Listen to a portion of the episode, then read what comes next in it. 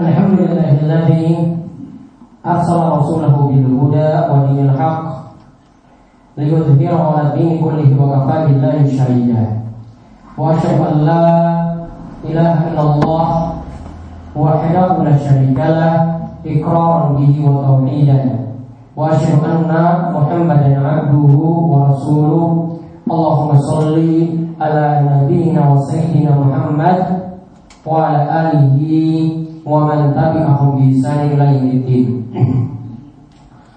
قال الله تعالى في كتابه الكريم يا أيها الذين آمنوا اتقوا الله حق تقاته ولا تموتن إلا وأنتم مسلمون وقال تعالى يا أيها الذين آمنوا اتقوا الله يا أيها الذي يا أيها الناس اتقوا ربكم الذي خلقكم من نفس واحدة وخلق منها زوجها وبث منهما رجالا كثيرا ونساء واتقوا الله الذي تساءلون به والأرحام إن الله كان عليكم رقيبا وقال تعالى يا أيها الذين آمنوا اتقوا الله وقولوا قولا سديدا يصلح لكم أعمالكم ويغفر لكم ذنوبكم ومن يطع الله ورسوله فقد فاز فوزا عظيما فإن أصدق الحديث كتاب الله وخير الهدى هدى محمد صلى الله عليه وسلم وشر الأمور محدثاتها وكل محدثات بدعة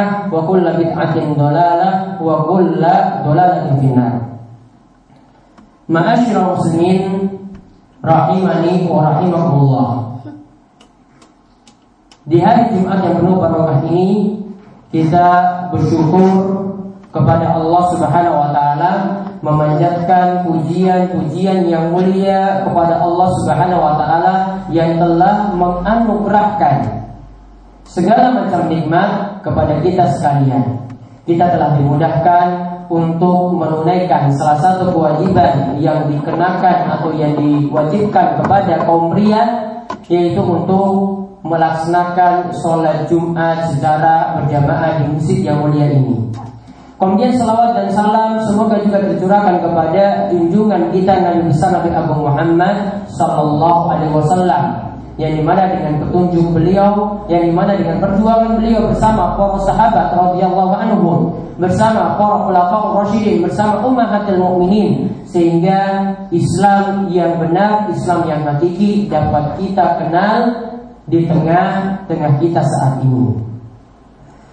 Masyarakat muslimin jamaah salat Jumat yang mungkin-mungkin selalu dirahmati dan diberkahi oleh Allah Subhanahu wa taala.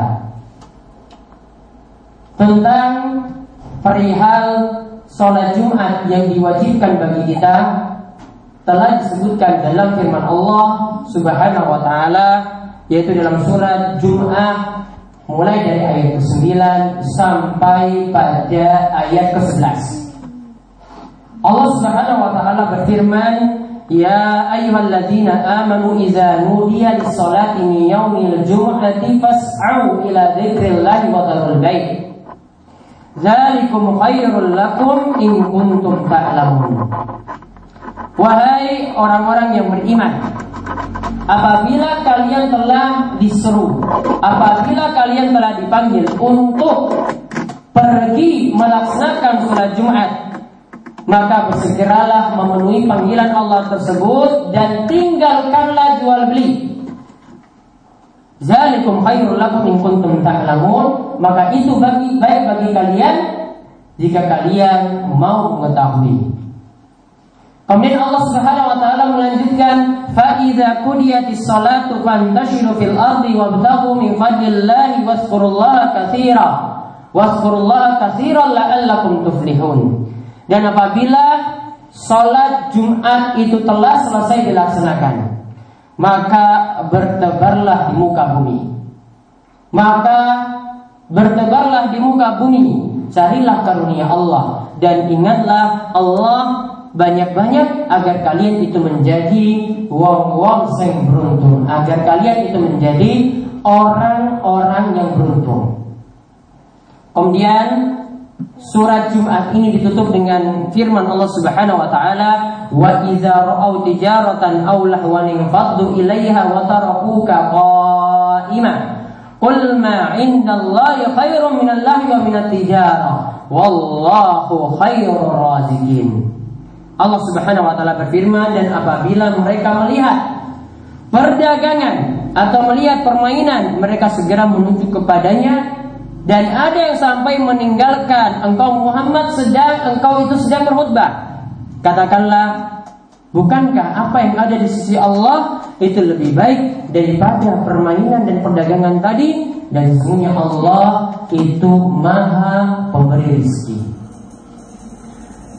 Ma'asyiral muslimin jamaah salat Jumat yang mungkin selalu dirahmati dan diberkahi oleh Allah Subhanahu wa taala. Ayat ini ini menerangkan kepada kita sekalian kewajiban untuk melaksanakan sholat Jumat dan sholat Jumat ini diwajibkan bagi seorang laki-laki, diwajibkan bagi setiap pria dan tidak diwajibkan bagi wanita, bagi anak kecil, bagi seorang budak dan orang yang dalam keadaan safar dan juga begitu seorang musafir. Orang-orang tadi yang lima orang ini tidak diwajibkan untuk melaksanakan sholat Jumat. Dalam ayat ini Allah Subhanahu wa taala menyeru. Allah Subhanahu wa taala itu memanggil kita dengan mengatakan, "Ya ayyuhalladzina amanu." Wahai orang-orang yang beriman. Maka perlu jemaah perlu, perlu diketahui kalau di dalam ayat Al-Qur'an itu disuruh dengan panggilan ya ayyuhalladzina amanu maka perlu diketahui bahwasanya kalimat yang sudah disebut sesudahnya kalimat yang ada setelahnya itu menunjukkan ada suatu perintah yang mesti kita lakukan. Dan ada suatu larangan yang mesti kita tinggalkan. Ada suatu perintah yang mesti kita lakukan dan ada suatu larangan yang mesti kita tinggalkan. Ini Allah Subhanahu wa taala seru dengan panggilan ya ayyuhalladzina amanu wahai orang-orang yang beriman. Yaitu jika kalian itu diseru dengan pemandang azan untuk memenuhi panggilan sholat, maka di dalam sholat Jumat para jamaah kaum muslimin yang ada itu dipanggil dengan seruan azan. Namun ini bukan hanya berlaku untuk sholat Jumat, namun juga berlaku untuk sholat lima waktu yang lainnya.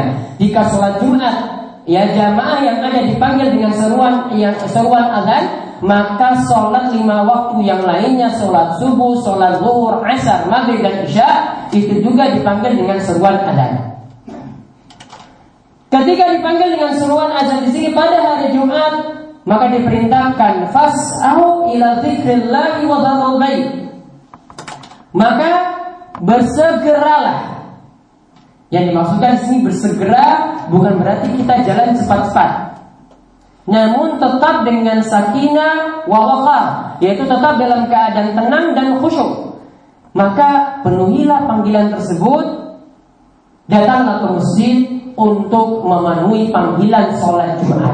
Datanglah ke masjid untuk memenuhi panggilan sholat Jumat. Maka di sini para jamaah sekalian, kita disuruh dengan panggilan adzan, kemudian kita diperintahkan untuk fas'au dengan asaiu, yaitu dengan kalimat ya bersegeralah untuk memenuhi panggilan tersebut, yaitu pergilah ke masjid untuk mendirikan salat Jumat. Maka dikatakan dalam ayat selanjutnya, fas'au ila dzikrillah wa ya bersegera memenuhi panggilan tersebut dan tinggalkanlah jual beli. Ingat di sini sampai hal-hal yang bermanfaat untuk kita itu kita diperintahkan untuk meninggalkannya. Demi apa? Demi melaksanakan sholat Jumat secara berjamaah. Maka kalau ada hal yang ini ada manfaatnya seperti jual beli yang ini dapat memenuhi nafkah setiap orang, maka hal-hal yang lainnya yang tidak penting membawa truk misalnya membawa muatan misalnya, lagi nyupir misalnya, atau lagi kerja proyek misalnya, maka itu juga sama halnya diperintahkan untuk ditinggalkan. Begitu juga ketika kita bertani, ketika kita lagi negar, itu juga diperintahkan untuk ditinggalkan demi melaksanakan sholat Jumat. Ya, demi melaksanakan sholat Jumat, maka segala hal yang ada manfaatnya seperti jual beli, Begitu juga dengan pekerjaan setiap orang yang ada di pabrik atau yang ada di bangunan itu diperintahkan untuk ditinggalkan demi memenuhi panggilan sholat Jumat tadi. Nah di sini para ulama terangkan bahwasanya kalimat as-sa'yu yaitu perintah untuk ya kalau secara bahasa as-sa'yu artinya cepat-cepatlah. Namun di sini bukan dimaksudkan seperti itu, bukan dimaksudkan kita datang sholat Jumat dalam keadaan lari. Tetap ketika mendatangi sholat sama seperti sholat lima waktu yang lainnya, yaitu datangilah dalam keadaan tenang. Kita jalan begitu santai, tidak tergesa-gesa, tidak terburu-buru. Sebagaimana disebutkan dalam hadis yang lainnya, Nabi Wasallam bersabda untuk sholat berjamaah. Perhatikan ini adalah adab untuk sholat berjamaah, termasuk juga untuk sholat Jumat. Nabi Shallallahu Alaihi Wasallam mengatakan, "Idza sami'tumul iqamah jika kalian mendengar iqamah." Famshu ila sholat Maka berjalanlah menuju masjid Untuk melaksanakan sholat Wa alaikum bisakinati wal waqar Dan jalanlah dalam keadaan tenang Dan penuh kekhusyuan Jalanlah dalam keadaan tenang Dan tidak perlu tergesa-gesa Kata Nabi SAW Wala tusri'u Janganlah cepat-cepat Ya janganlah cepat-cepat ketika ingin pergi ke masjid. Fama adraktum fasallu ya rakaat yang kalian dapati dari imam maka ikutilah. Imam sedang berada misalnya pada rakaat yang kedua maka ikutilah gerakan imam tersebut. Wa ma fatakum fa'atimu dan yang luput maka tambahkanlah lagi nanti ketika imam itu sudah selesai kemudian kita tambah kekurangan kita. Misalnya kita ketinggalan dua rakaat, maka nanti setelah sholat kita tambah lagi dengan dua rakaat. Tetap ketika pergi menuju sholat itu dalam keadaan yang tenang. Maka Imam Nawawi menjelaskan bahwasanya hadis ini merupakan anjuran ketika ingin pergi sholat. Bahkan kata beliau, ketika ingin pergi sholat Jumat maka hendaklah dalam keadaan yang tenang dan tidak tergesa-gesa. Walaupun ketika itu khawatir tidak dapat takbiratul ihram.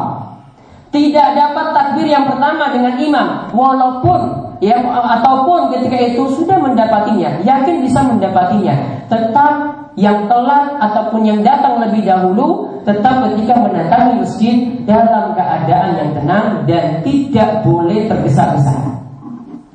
Di antara alasan yang lainnya lagi disebutkan oleh Imam Nawawi karena ketika orang itu sudah berada dalam perjalanan menuju masjid, maka dia sudah terhitung sholat. Orang yang berjalan menuju masjid itu sudah terhitung sholat. Maka ketika dia berjalan ya patut tenang-tenang ketika itu.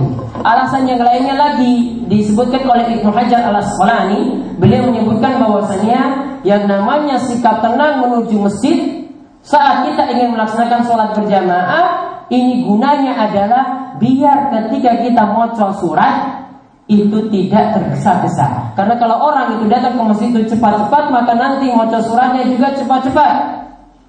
Maka di sini diperintahkan untuk datang lebih awal supaya ada waktu untuk rehat ada waktu untuk istirahat bareng sejenak sehingga nanti ketika kita sholat membaca surat atau mendengarkan imam itu juga dengan penuh ketenangan dan kita dapat faedah dari mendengarkan imam tersebut ketika dia itu melaksanakan sholat. Maka setiap orang yang pergi ke masjid maka hendaklah memenuhi adab ini. Dan inilah salah satu adab yang mesti diperhatikan ketika kita menuju sholat. Dan adab yang lainnya lagi dan ini yang Nabi SAW itu ajarkan bagi orang yang sudah masuk masjid. Maka hendaklah dia melaksanakan sholat dua rakaat, jangan duduk langsung karena ketika masuk masjid kita harus hormati masjid. Ini bukan rumah biasa. Masjid itu bukanlah rumah biasa. Maka setiap yang masuk ke masjid, baik untuk keperluan sholat, baik untuk keperluan cuma untuk mendengar pengajian saja, atau ada keperluan yang lainnya di masjid, maka janganlah duduk, namun lakukanlah sholat dua rakaat terlebih dahulu. Maka kata Nabi Sallallahu Alaihi Wasallam, "Iza ya, iza ata ahadukumul masjidah, fala yajlis hatta yarka'a rakaatain." Atau kama qala Nabi Sallallahu Alaihi Wasallam. Jika salah seorang di antara kalian mendatangi masjid Idza ahadukum al-masjid, jika salah seorang di antara kalian memasuki masjid, maka janganlah duduk sampai mengerjakan dua rakaat terlebih dahulu. Dan inilah yang biasa disebut oleh para ulama dengan sholat tahiyatul masjid. Keutamaannya apa? Sholat ini dilakukan ya untuk menghormati masjid dan di sini adalah sebagai pembuka kita sholat ya untuk melaksanakan sholat wajib yang lainnya. Jadi masuk masjid hendaklah laksanakan dua rakaat ini terlebih dahulu, barulah setelah itu misalnya kalau ini dalam khutbah Jumat kita mendengarkan khutbah Jumat setelah itu. Ini salah satu adab, salah satu aturan ketika kita berada di masjid. Maka setiap orang yang memasuki masjid hendaklah punya adab, punya rasa santun untuk menghormati masjidnya dengan melaksanakan sholat tahiyatul masjid seperti itu. Demikian khutbah pertama ini mudah-mudahan bermanfaat. Aku qouli hadza wastaghfirullah li wa lakum lisa'il muslimin innahu huwas alim.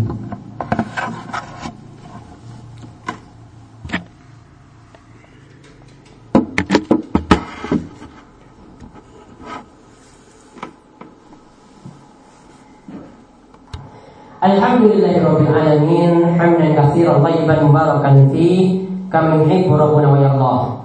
وأشهد أن لا إله إلا الله وحده لا شريك له وأشهد أن محمدا عبده ورسوله اللهم wa على نبينا وسيدنا محمد وعلى آله ومن tabi'ahu bi sayyidina الدين Para jemaah sekalian yang dimuji selalu dirahmati dan diberkahi oleh Allah Subhanahu wa taala. Tadi di antara adab-adab yang mesti kita perhatikan ketika kita ingin melaksanakan sholat Jumat. Setiap orang yang ingin melaksanakan sholat Jumat, maka di antara adab yang penting tadi kita pergi ke masjid dengan segera untuk memenuhi panggilan adzan. Itu yang pertama. Kemudian di situ juga kita bisa ambil pelajaran ketika menuju masjid datanglah dalam keadaan yang tenang, tidak perlu tergesa-gesa, tidak perlu cepat-cepat. Kemudian dari penjelasan yang tadi juga menunjukkan bahwasanya siapa saja yang menuju masjid hendaklah lebih awal.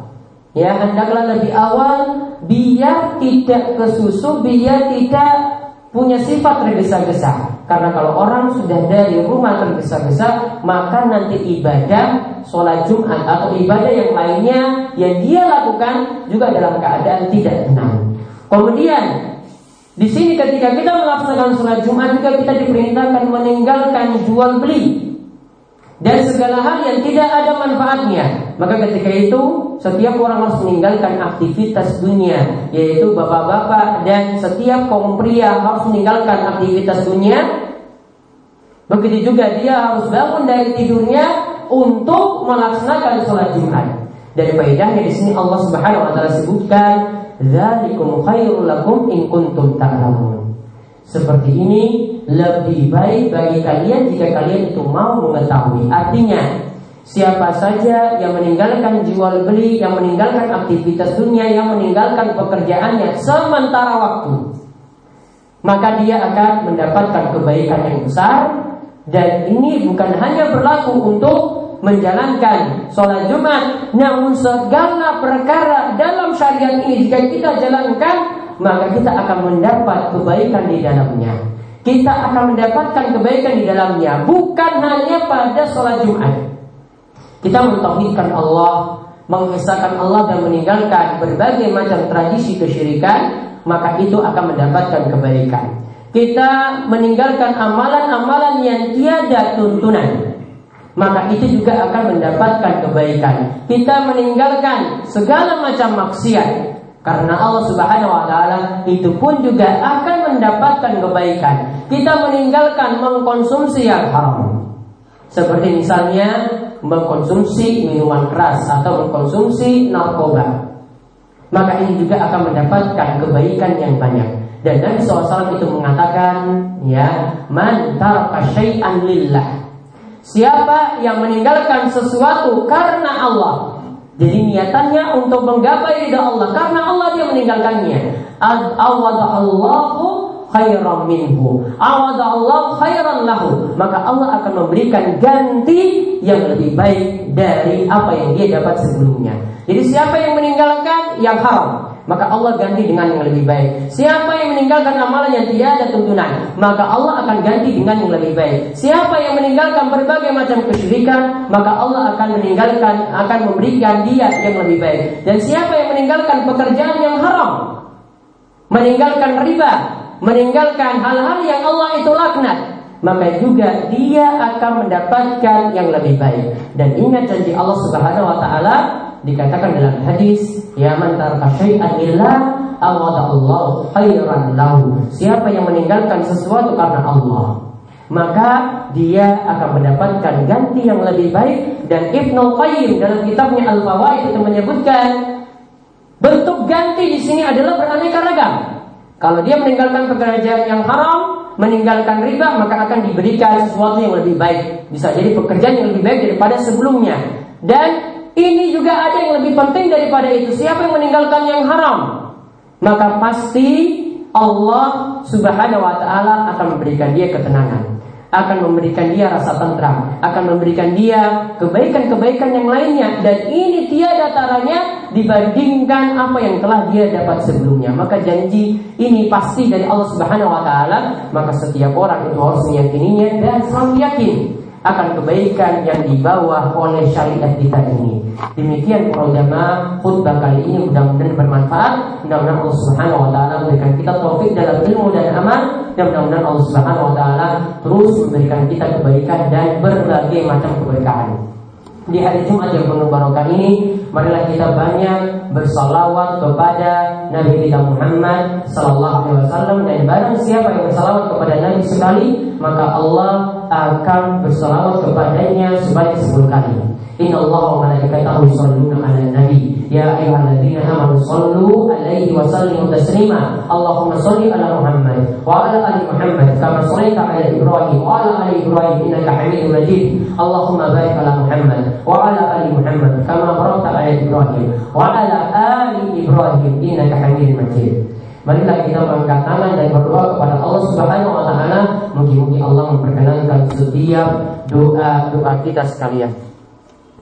Allahumma fir lil muslimina ya wal muslimat wal mu'minina ya wal mu'minat al ahya'i minhum wal amwat innaka sami'un qaribun mujibud da'wat. Allahumma qsim lana min khashyatika ma tahulu bihi bainana wa bain ma'siyatik wa min ta'atika ma tuballighuna bihi jannatak wa min yaqini ma tuhawwinu bihi alaina dunya. Allahumma matina li asma'ina wa absarina wa quwwatina ma ahyaitana waj'al wa bisamina waj'al tharana ala man zalamana وانصرنا على من عدانا لنا ولا تجعل مصيبتنا في ديننا ولا تجعل الدنيا أكبر عمنا ولا مبلغ علمنا ولا تسلط علينا من لا يرحمنا اللهم أصلح لنا ديننا الذي هو عصمة أمرنا وأصلح دنيانا التي فيها معاشنا وأصلح آخرتنا التي فيها معادنا وجعلنا زيادة لنا زيادة لنا في كل خير واجعل الموت راحة لنا من كل شر ربنا هب لنا من أزواجنا وذريتنا قرة أعين واجعلنا للمتقين إماما Ya Allah ampunilah segala dosa-dosa kami Ya Allah ampunilah segala dosa kedua orang tua kami Ya Allah ampunilah segala dosa para pemimpin kami Ya Allah berikanlah kami taufik untuk beramal saleh Ya Allah berikanlah kami taufik untuk menjaga sholat-sholat kami Ya Allah berikanlah kami taufik untuk meninggalkan hal-hal yang engkau murkai Mulai dari kesyirikan, hal-hal yang tidak ada tuntunan dan juga berbagai macam maksiat. Ya Allah berikanlah keberkahan kami dari langit. Ya Allah turunkanlah hujan kepada kami. Allahumma agisna, Allahumma agisna, Allahumma agisna. Ya Allah berikanlah kami taufik kepada diri kami dan juga orang-orang dekat kami supaya dapat memperhatikan kewajiban-kewajiban terhadapmu dan juga dapat meninggalkan berbagai macam maksiat. Ya Allah angkatlah segala macam kesulitan dari kami yang kami miliki. Ya Allah bebaskanlah kami dari berbagai macam kesulitan. Ya Allah angkatlah berbagai macam kesulitan berupa utang-utang yang memberatkan. Ya Allah, berikanlah segala urusan kami dalam urusan dunia, dalam urusan akhirat, ya dan juga dalam berbagai macam urusan kami. Dan ampunilah segala macam dosa kami dan berikanlah kami taufik untuk terus beramal soleh. Rabbana atina fid dunya hasanah wa fil akhirati hasanah wa qina adzabannar. Rabbana atina fid dunya hasanah wa fil akhirati hasanah wa qina adzabannar. Rabbana atina fid dunya hasanah wa fil akhirati hasanah wa qina adzabannar. Inna Allah ya'muru bil adli wa ihsan wa ita'i dzil qurba wa yanha 'anil fahsya'i wal munkar wal baghi ya'idukum la'allakum tadhakkarun wa akbar. Aqimus.